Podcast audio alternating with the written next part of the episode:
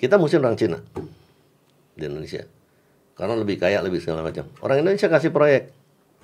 Nggak jalan. Loh, dia cari Cina juga nih, lo ambil gua, lo untungin gue deh 10%. Tapi begitu dia kaya, disalahin. Penjabat juga begitu. Five, four, three, two, one. Close the door. Apa kabar nih Om? Eh, lagi COVID begini gimana harusnya kita Om? Om kan Harus- sebagai ketua, sekarang apa sih Om ketua? Masih ketua dong Masih ketua umum MPN. Ketua umum MPN, Majelis Pimpinan Nasional Pemuda Pancasila. Pemuda Pancasila. Hmm. Nah gimana nih Om? COVID ini gimana nih Om? Nah ini kita mesti ikut apa kata orang-orang medis yang diperintahkan oleh pemerintah itu harus kita lakukan karena memang sementara ya, Sementara nih. ya sementara yang bisa untuk mengurangi kan itu dulu, Hmm. ya kan personal distancing dan segala macam, kemudian uh, berjarak besar dan segala segala macam atau. Nah ini kalau kita ikutin, nah, nanti kemudian tunggu vaksin mungkin yang berikutnya. Ya tapi kan sekarang secara ekonomi dan semuanya kena semua Om. Kalau Om lihat begitu. Itu risiko. Kalau Belanda bilang risiko van de Sar. Dan itu risiko, apa pun ada risikonya gitu. Sebab daripada mana yang kita mau pilih. Kita mau kerja cari makan buat hidup. Tapi kalau kita cari makan jadi mati, ya, kan percuma. Nah iya. tep- Tapi kan orang-orang akhirnya jadi memilih mereka nggak keluar, mereka keluar, mereka nggak jadi nggak nggak dapat makan, kok nggak keluar di dalam rumah. Eh sorry, di dalam rumah mereka nggak dapat makan, keluar mereka eh, takut virus dan Nah, itu risikonya. Nah, sekarang tugas pemerintah adalah gimana supaya yang di rumah itu makan. Eh, Iya kan? dari BLT dan sebagainya. Ya. Oke.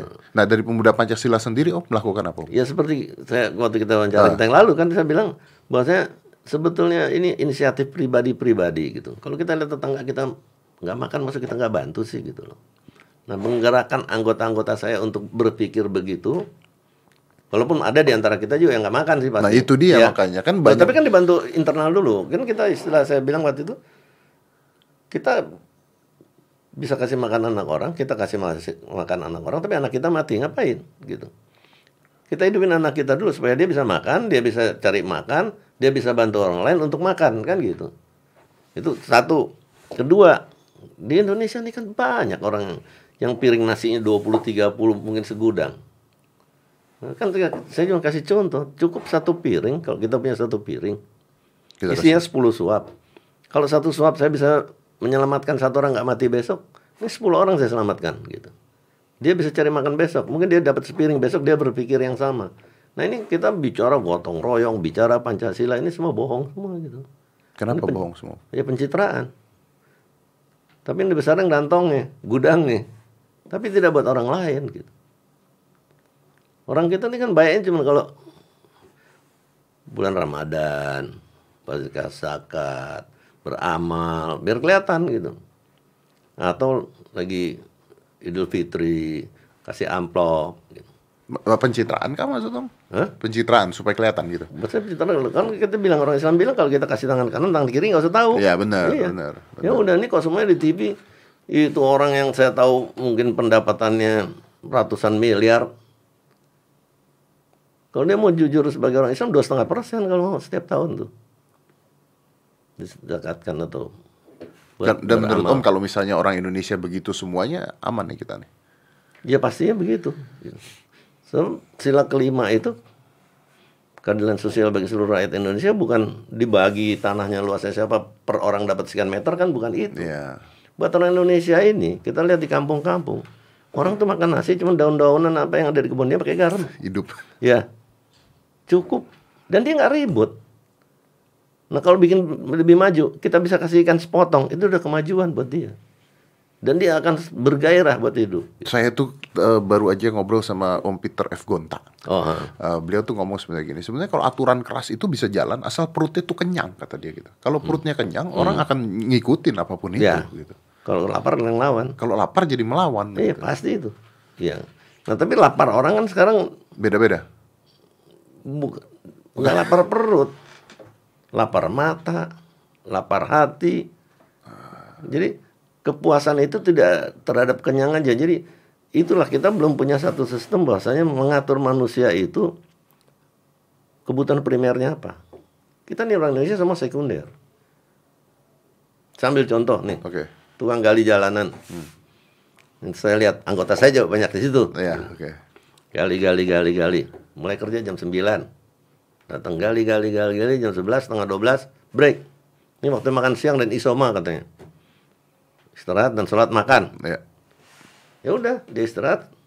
Makan sholatnya enggak. Ini udah. Jadi itu udah bohong ya pencitraan. Wah, bilang. pencitraan tuh ya satu. Iya. Udah nongkrong main gaple.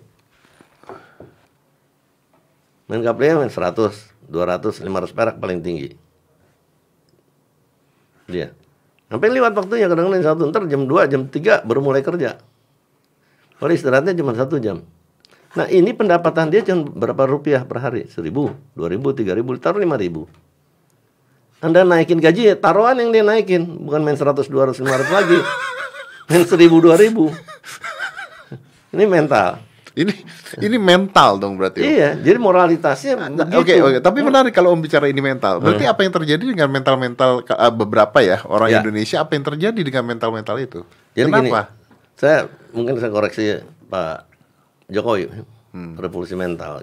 Kalau mental itu berkaitan dengan Otak. orang gila. Oh, Enggak. oh, mental itu Ya, berkaitan dengan orang mental. Tapi saya ke agama, ke moral aja. Etika. Ya kan?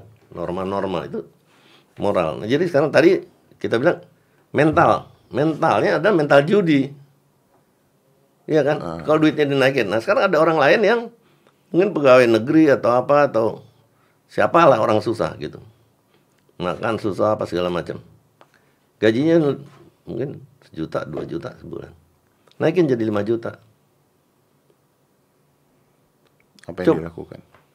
beli TV parabola, beli TV yang mahal, beli kulkas, motornya ganti baru atau kawin. Itu Harusnya apa Hah? yang dilakukan? kebutuhan primer. Nyekolahin anak, Hmm. makan lebih baik, rumah lebih bersih, bukan lebih rame. Nonton TV di tetangga kita masih bisa kok Indonesia nggak bakal diusir. Nambah ilmu. Mbak, iya. Jadi moral sebetulnya. Nah, ya. a- a- Dan kedua mental. Jadi mental pengen kelihatan kaya. Kan banyak kalau orang Indonesia nih, apalagi ibu-ibunya. Kalau diundang pesta, kalau perlu pinjem perhiasan sama tetangga asal penuh. Iya, iya, iya, iya. iya. Apa yang buat seperti itu ya Om ya?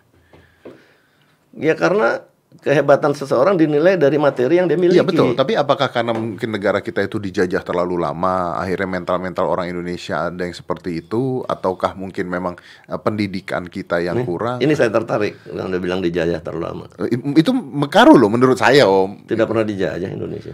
Tidak, kok bisa tidak pernah dijajah coba? Yang dijajah kerajaan dulu belum ada Indonesia. Kalau bicara dijajah, Iya iya iya iya iya iya iya iya iya iya iya iya. iya kan? Indonesia belum ada ya? Belum ada. Dan ternyata kerajaan tidak merasa dijajah.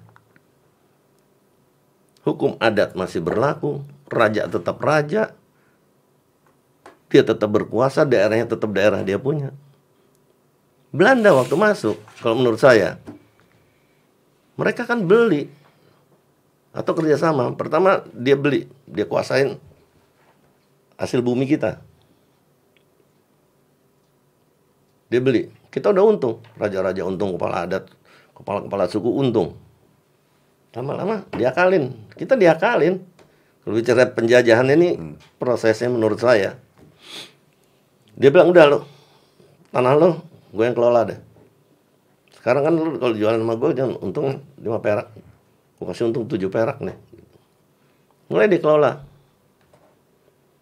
Dia hasil banyak, untungnya tambah banyak, bisa jual lebih banyak. Habis itu tanahnya dibeli sama Belanda. VOC masih ya, belum belum eh, Oost Indies, eh, Netherlands India, bukan belum Belanda yang timur jauh. Masih VOC. Masih Ini VOC, masih, betul.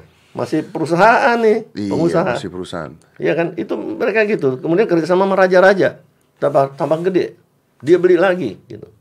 Nah lama-lama dia nguasain. Nah sekarang masalahnya, mulai Belanda menjajah, artinya dulu kan ekonomi kita dikuasai kan awalnya. Habis itu baru kita bilang dijajah. Kenapa? Kapan mulai dijajah? Sejak ada Netherlands India, mulai ada hukum Belanda berlakukan, ya kan? Untuk orang Eropa, untuk orang timur Iya, asing, untuk iya. itu. Nah itu baru sebetulnya penjajahan secara hukum. Itu betul gitu. Tapi dia nggak cabut kan? Hukum-hukum di kerajaan-kerajaan, Tetap ada. tanah adat, hukum adat masih jalan. Tanah ulayat mereka masih punya dan segala macam gitu. Bedanya apa nih saya mau bilang dengan sekarang? Hasil bumi kita dibeli orang. Perkebunan siapa yang punya paling banyak? Luar berarti. 90 persen orang asing. 90 persen orang asing. Ya, kalau kelapa sawit ya. Kalau kelapa sawit, oke. Nah, okay. ATI. Semua coba. Karena orang Indonesia kalau dapat proyek, maaf saya nyebut satu ini ya eh, Sara dikit. Kita mesti orang Cina di Indonesia.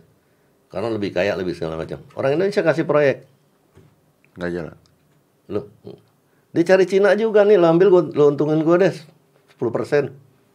Tapi begitu dia kayak disalahin. Penjabat juga begitu. Kenapa? Karena kita nggak mampu. Apa negara kita nih sekarang begini kalau nggak Cina-Cina dulu yang yang bikin ini. Mulai dengan hotel, dengan nightclub, dengan disco segala macam. Kita nggak berpikiran begitu karena pikir oh salah Pak. Pak Ali Sadikin kan dimusuhin waktu buka kasino, buka nightclub dan segala macam. Tapi begitu semua jalan bisa menghasilkan sekolah, tempat olahraga, gelanggang-gelanggang olahraga di mana-mana, jalan jadi bagus, pelebaran jalan, dipuja-puji. Lalu dimaki. Butin, Pak Harto kurang apa dimakinya bikin taman mini sampai di, di demo seperti apa? Yang ngedemo itu sekarang mbak anak ya, tiap hari minggu ke Ke sana taman juga. mini. Nah, Ini kan munafik-munafik bangsa kita yang nggak mau lihat orang lain maju, ya kan? Tapi dia sendiri nggak berbuat apa-apa. Ini ada istilah orang dulu bilang orang Indonesia ini terlalu gampang. Orang naruh kayu ya di tanah tumbuh katanya. Makanya nyantai. Tanah iya, nah, tanam pohon singkong. Kalau bisa tidur. Kan sifat orang kita kebanyakan apa? Lakinya judi, perempuan yang kerja dulunya kan. itu itu. Nah makanya jadi kita karena kita punya kelemahan, kita selalu menyalahkan orang lain. Itu sifat kita. Itu sifat kita. Artinya, Dan itu harus dirubah. Nah itu dia makanya. Artinya maksudnya begini. Kalau misalnya Om mengatakan Indonesia tidak pernah dijajah, dulu tuh Hmm. eh, jual beli lah intinya begitu kan, Om, jual beli. Artinya sampai sekarang Indonesia pun masih jual beli dong. Ya kita udah dijajah lagi kan. Kalau bicara ke dulu itu dijajah, Berarti sekarang, sekarang kita dijajah. kalau dulu dijajah, berarti sekarang juga dijajah gitu. Yang Oh. menentukan menentukan hasil bumi kita dia. Hah? Yang menentukan nilai-nilai ekonomi kita dia. Bicara apa coba? Tadi saya bilang kelapa sawit. Hmm. Kan mungkin 70 persen, 65 persen tuh Malaysia kan yang nguasain. Batu bara. Siapa yang nguasai? Cina dan India Hmm. Yang tanam uangnya di sini. Yup-yup kecil kan semua dibeliin sama mereka gitu. Tapi Om tadi tidak tidak menyalahkan mereka di luar, Om menyalahkan bahwa mungkin orang Indonesianya kita sistem. Kita punya sistem yang salah. Bahwa pendidikan kita tuh menghilangkan satu sejarah. Bahasanya negara kita ini bukan satu negara Indonesia yang jadi satu dulu. Kita ini negara yang bineka. Tapi kita tunggal ika. Kerajaan yang banyak besar kecil suku yang banyak kelompok-kelompok adat yang banyak Nah kita bisa bersatu itu hebat. Nah sekarang karena kepentingan-kepentingan pribadi tadi kebutuhan yang sekunder, ya kan? Coba sekarang, kenapa sih kita pakai pemekaran daerah? Dulu Sumatera bagian selatan satu orang Sumatera bagian selatan, Lampung kayak Palembang kayak Jambi, kita ganggu semua berasa sama. Tapi belakangan mereka bisa bakar-bakaran cuman karena mereka memisahin diri kan lucu. Karena apa? Bisa ngelola daerahnya sendiri, bisa ngabisin apa hasil tambang dan hasil buminya sendiri. Bisa ngelola itu. Padahal kalau kita gotong royong, kan kita punya daerah-daerah juga yang tandus dilihat NTT, NTB situ yang susah. Ya kan? Tapi sekarang alhamdulillah ada ditemukan tambang-tambang bagus dan segala macam ada orang mau invest untuk hal-hal lain. Terus pariwisatanya, Oke. lautnya sangat mengundang. Nah, ini, ini ngelola ini kita nggak bisa. Coba siapa yang ngelola? Bali semua orang bule. Tunggu, tunggu, tunggu. Saya masih nggak ngerti. Apa Kenapa Om mengatakan bahwa tidak bisa kita mengolah ini semua? Karena sistem pendidikan kita salah. Artinya eh, salah, eh, sal- bukan salah pemerintah dong. Ya pemerintah kurikulumnya dong. Eh, Pendidikan kita. Pendidikan kita kurikulum di sekolah kita, Kita harus tidak diajarkan apa? moralitas. Kita kan dulu Moralitas. Iya. Om bicaranya moralitas. Iya. civic dan kewarganegaraan dulu kita dapat kan SD SMP itu. Sekarang kan nggak ada. Nggak bicara sejarah. Ta- ta- Tapi kan gini om, misalnya beredar di luar katanya eh, Indonesia misalnya eh, pro eh, tenaga kerja asing Cina yang kemarin katanya Uh, itu kan sebenarnya tidak salah juga kan Om karena memang kita butuh mereka untuk kata, kata Om tadi sendiri mengatakan bahwa orang Indonesia mungkin belum bisa nih untuk ngajarin ini. Betul. Kalau itu kalau alasannya ada alasan, tapi ini kan belum ada jawabannya alasannya. Apakah karena ada seseorang punya kepentingan? Kita juga nggak tahu kan. Itu kan yang ribut sekarang itu saling jelek-jelekin aja. Hmm. Di counter pun masih ada yang ngotot gitu. Jadi itulah saya bilang.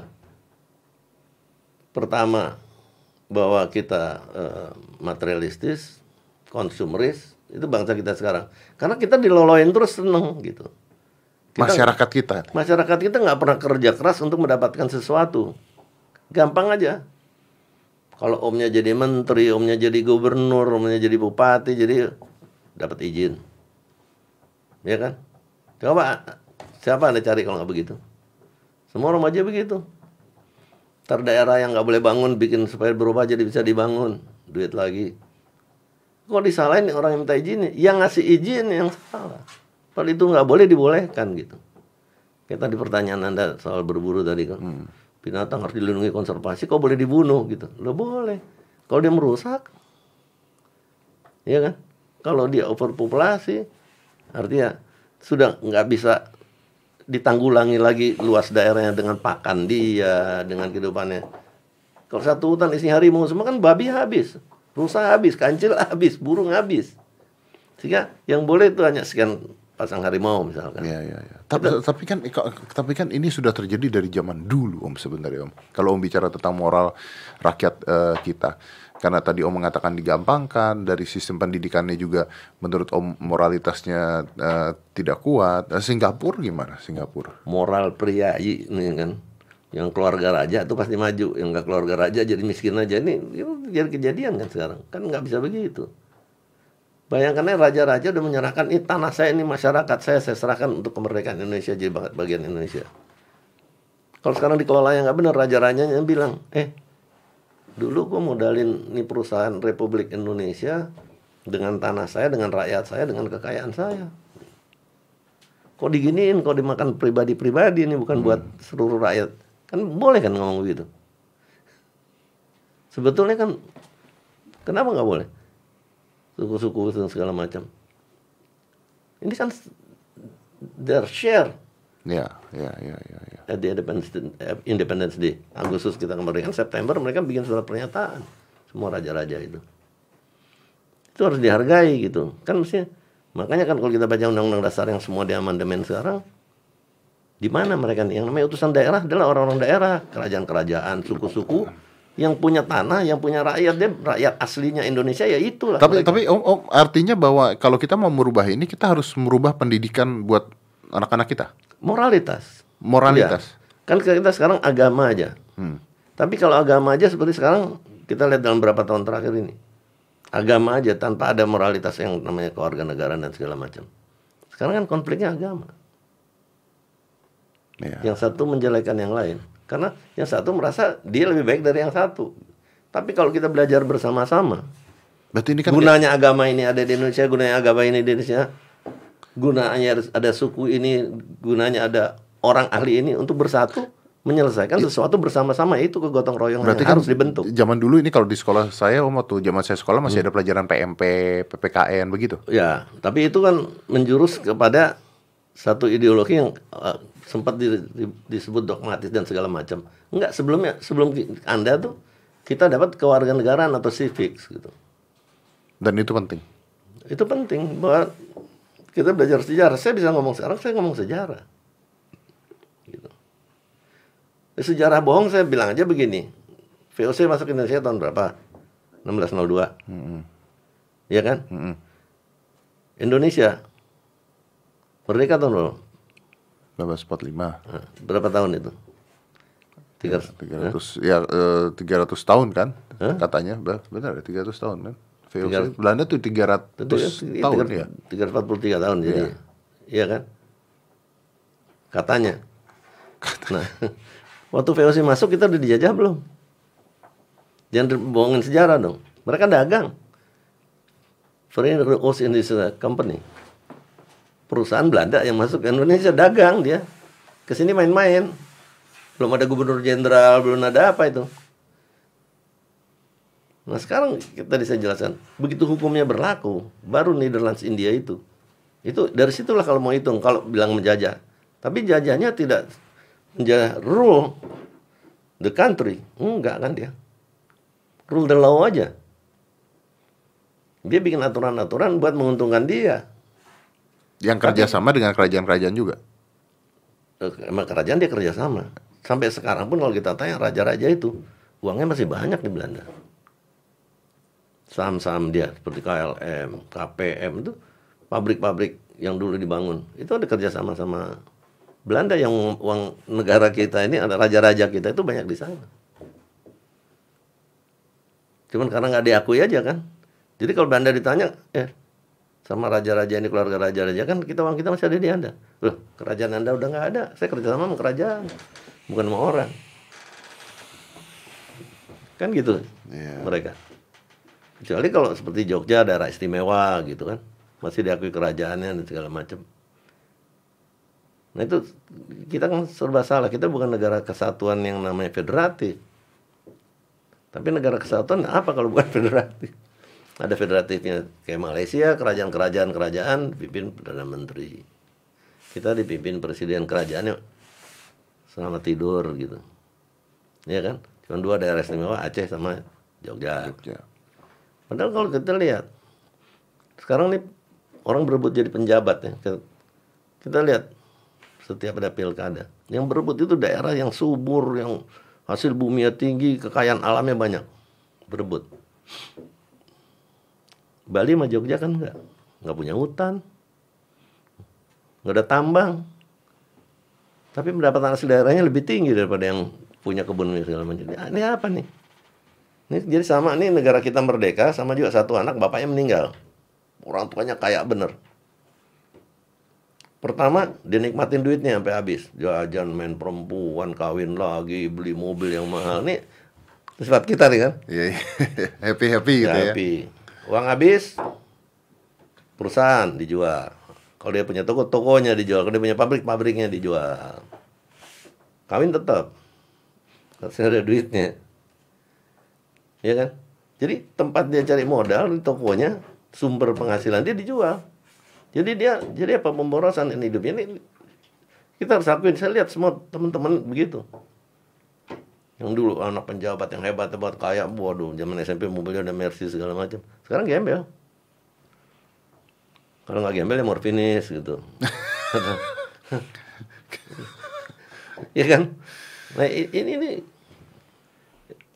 apa moralitas yang harus kita kita bentuk. Jadi kita tadi bicara berburu binatang konservasi kita beda binatang di hutan sama kita juga di di dunia ini gitu Oke om, kalau we have to conservate ini Iya, juga. to conservate. Oke, Om. Kalau Om mengatakan begitu, gini aja Om. Pertanyaan saya, saya balik deh Om. Eh, gimana merubah eh, mental bangsa Indonesia supaya mental kita eh, baik dan bisa membangun Indonesia, apalagi setelah COVID ini? Gimana caranya? Kan kalau kita cuma ngomong-ngomong doang, tidak ada solusi sebenarnya nih Om. pendidikan. Pemimpin harus jadi contoh. Guru itu pemimpin. Pemimpin di kelas, pemimpin di sekolah, di rumah tangga bapak ibu itu guru. Jadi mengguru itu mengajarkan. The teacher is teaching, gitu. Iya kan? Siapa yang teach kita, is a teacher. Kita anggapnya harus begitu kan. Jadi kita harus melalui satu proses pendidikan yang formal maupun tidak formal yang garisnya jelas yang betul-betul moral kan kita bilang moral kita bangsa kita Pancasila Iya. apa moral Pancasila ini pertama katanya. Ketuhanan yang maha esa berarti orang harus beriman. Sesuai dengan agamanya masing-masing itu di Indonesia. Karena kita beriman maka kita berperi kemanusiaan. Jadi kemanusiaan yang beradil adil dan beradab kita nggak bisa lihat orang kelaparan depan kita. Kok kita masih tega sekarang? Coba maling. Kita belum tanya nih maling. Nyolong sendal nyolong sepatu mungkin anaknya lagi sakit di rumah sakit seperti yang kemarin orang nyolong Tapi, baju di- atau tapi digebukin dulu gitu ya. enggak akhirnya tolong polisi malah dibantu sama polisi. Iya. Awalnya Kasih kan uang dikasih ah, ya atau nyolong di supermarket kalau saya nggak salah. Dibakar dimasukin ban dibakar. Itu kan banyak sekali gitu. Ini udah nggak berperikan manusiaan orang kita gitu. Dia nggak lihat lagi Karena yang satu merasa udah lebih memiliki, dia nggak lihat lagi orang yang nggak mampu. Kemudian ketiga, ya persatuan. Nah, persatuan kita dalam apa sih? Dalam bekerja, berpikir, menyelesaikan masalah. Kalau sekarang, ya kita nonton aja TV. Soal satu masalah, ya COVID. Itu pengamat bisa, wah segala macam. Yang ini bilang begitu, semua saling bertentangan. Tapi siapa yang di antara mereka jadiin menteri lebih rusak. Tapi waktu jadi pengamat jago. Pernah ada contoh kan? Nah, Jadi penjabat.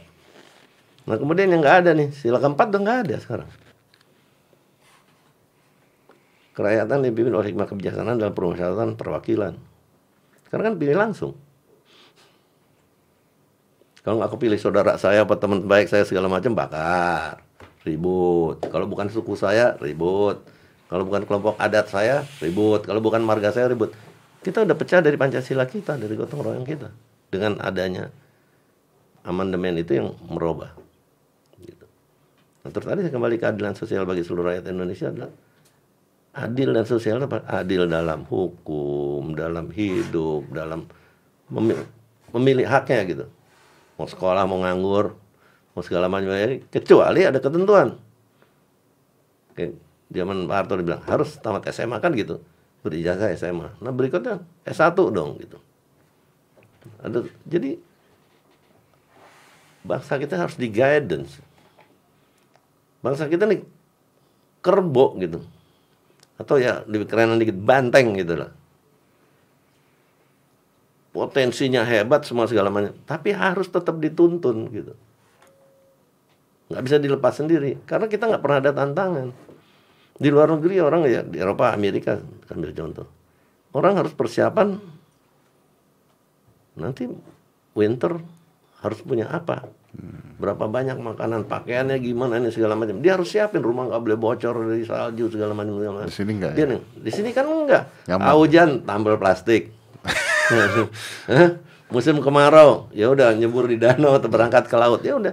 Kita kita dikasih sesuatu yang hebat tapi kita tidak bisa memanfaatkan itu yang kita harapkan bahwasanya bangsa kita tuh dipimpin sama orang yang keras ya kan kayak Bung Karno berpikir seperti Pak Harto dalam pembangunan. Kalau di Indonesia kan enggak, semua presiden kita jelek. Sampai hari ini enggak ada presiden yang hebat. Semua dibilang kurang ini, kurang itu, kurang segala macam. Jadi kalau makanan kurang garam lah, kurang gulanya, kurang santannya, kurang segala macam. Gimana? Itu orang-orang terbaik kita dari sekian ratus juta yang kita pilih, terus kita cemo. ya kita Iya kan? terlalu banyak menghina presiden kita sendiri Iya. sebenarnya. Nah, karena saya nggak ikut menghina presiden, saya dia, dianggap dengan saya mimpin pemuda Pancasila, dianggap antek-antek, antek Soeharto, eh, nanti antek Habibie, nanti antek SBY, sekarang anteknya Jokowi. Jokowi kan lucu, loh. Presiden kita kan simbol negara, Yang harus dihargai. harus dihormati, bukan hargai aja. Bendera harus kita hormati, itu lambang negara, lagu kebangsaan. Presiden sebagai pimpinan negara kita. Itu apa pun kalau mau salah mau segala macam negor orang kan lebih enak. Eh, Bung Deddy Anda ngomong apa tadi di TV? Sampai menyakiti orang banyak. Terus besok saya teriak-teriak, eh anjing si Corbuzier begini begini begini. Kita jadi musuh. Tapi kalau saya besok datang ke rumah Anda, Dad, lu ngomong apa kemarin? Orang-orang pada ribut tuh. Kan Anda bakal nanya, yang mana? Jadi Nah, jelas terus ya. kenapa? Iya, kita dengan itu selesai. Anda tinggal berasa salah ngomong. Maaf yang kemarin-kemarin, saya maksudnya begini. Jelasin habis. Nggak ada buntut lagi kita mesti ribut, mesti ini. Jaga sarah kan cuma itu. Nah, Om sendiri kenapa tidak mau masuk ke pemerintahan? Om? Saya lebih baik seperti sekarang. Paling tidak sekian juta orang yang di Pemuda Pancasila berpikir seperti saya. Kalau saya di pemerintahan, saya berpikir seperti atasan saya.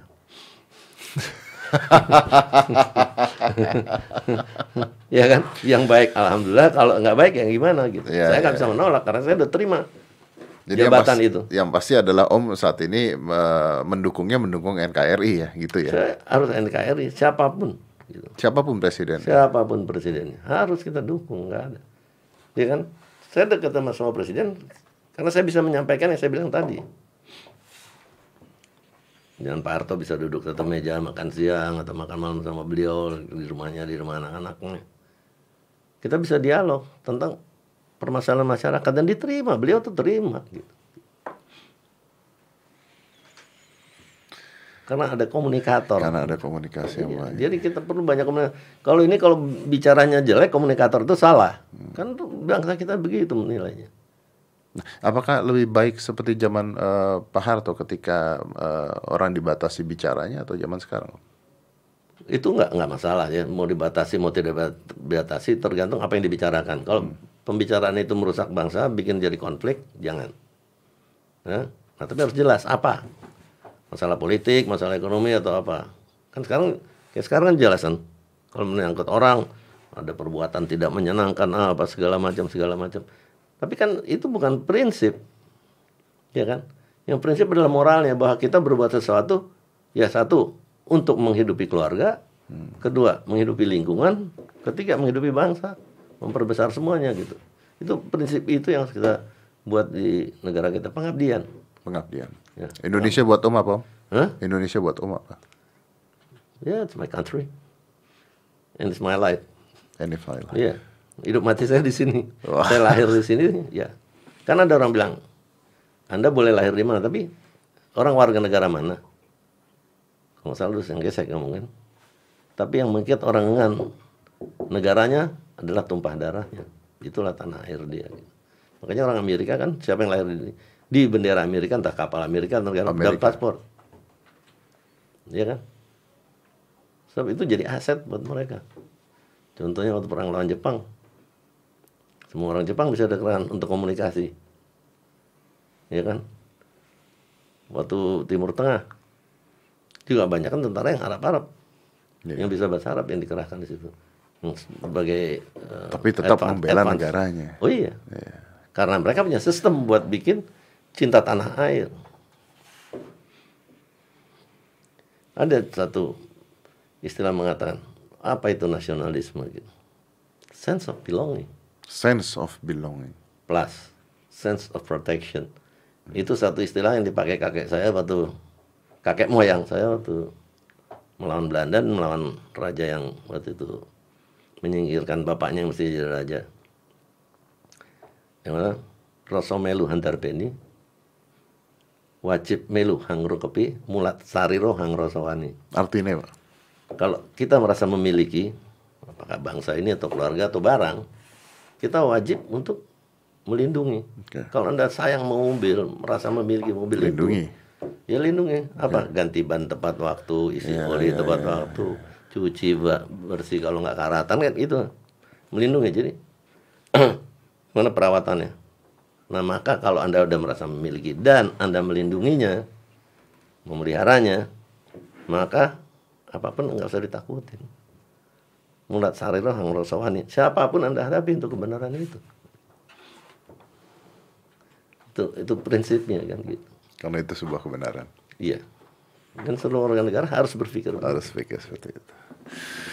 kalau bisa memiliki. Oke.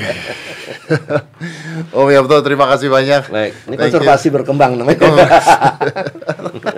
But it is good. I mean, eh, cara pandang Om Yapto dan sebagainya memang eh, sangat menarik dan ya pasti buat NKRI untuk Indonesia juga sih, untuk berkembangnya Indonesia juga. ya. Dan eh, ya sekarang kita lagi dalam masa-masa seperti ini, semua dunia lagi masa seperti ini ya. Tadi itu Om bilang gotong royong udah kuncinya. Iya. Dan Indonesia gotong royong itu kan dari zaman dulu harusnya. Betul. Itu kekuatan yang ada sampai sekarang itu Om. ya.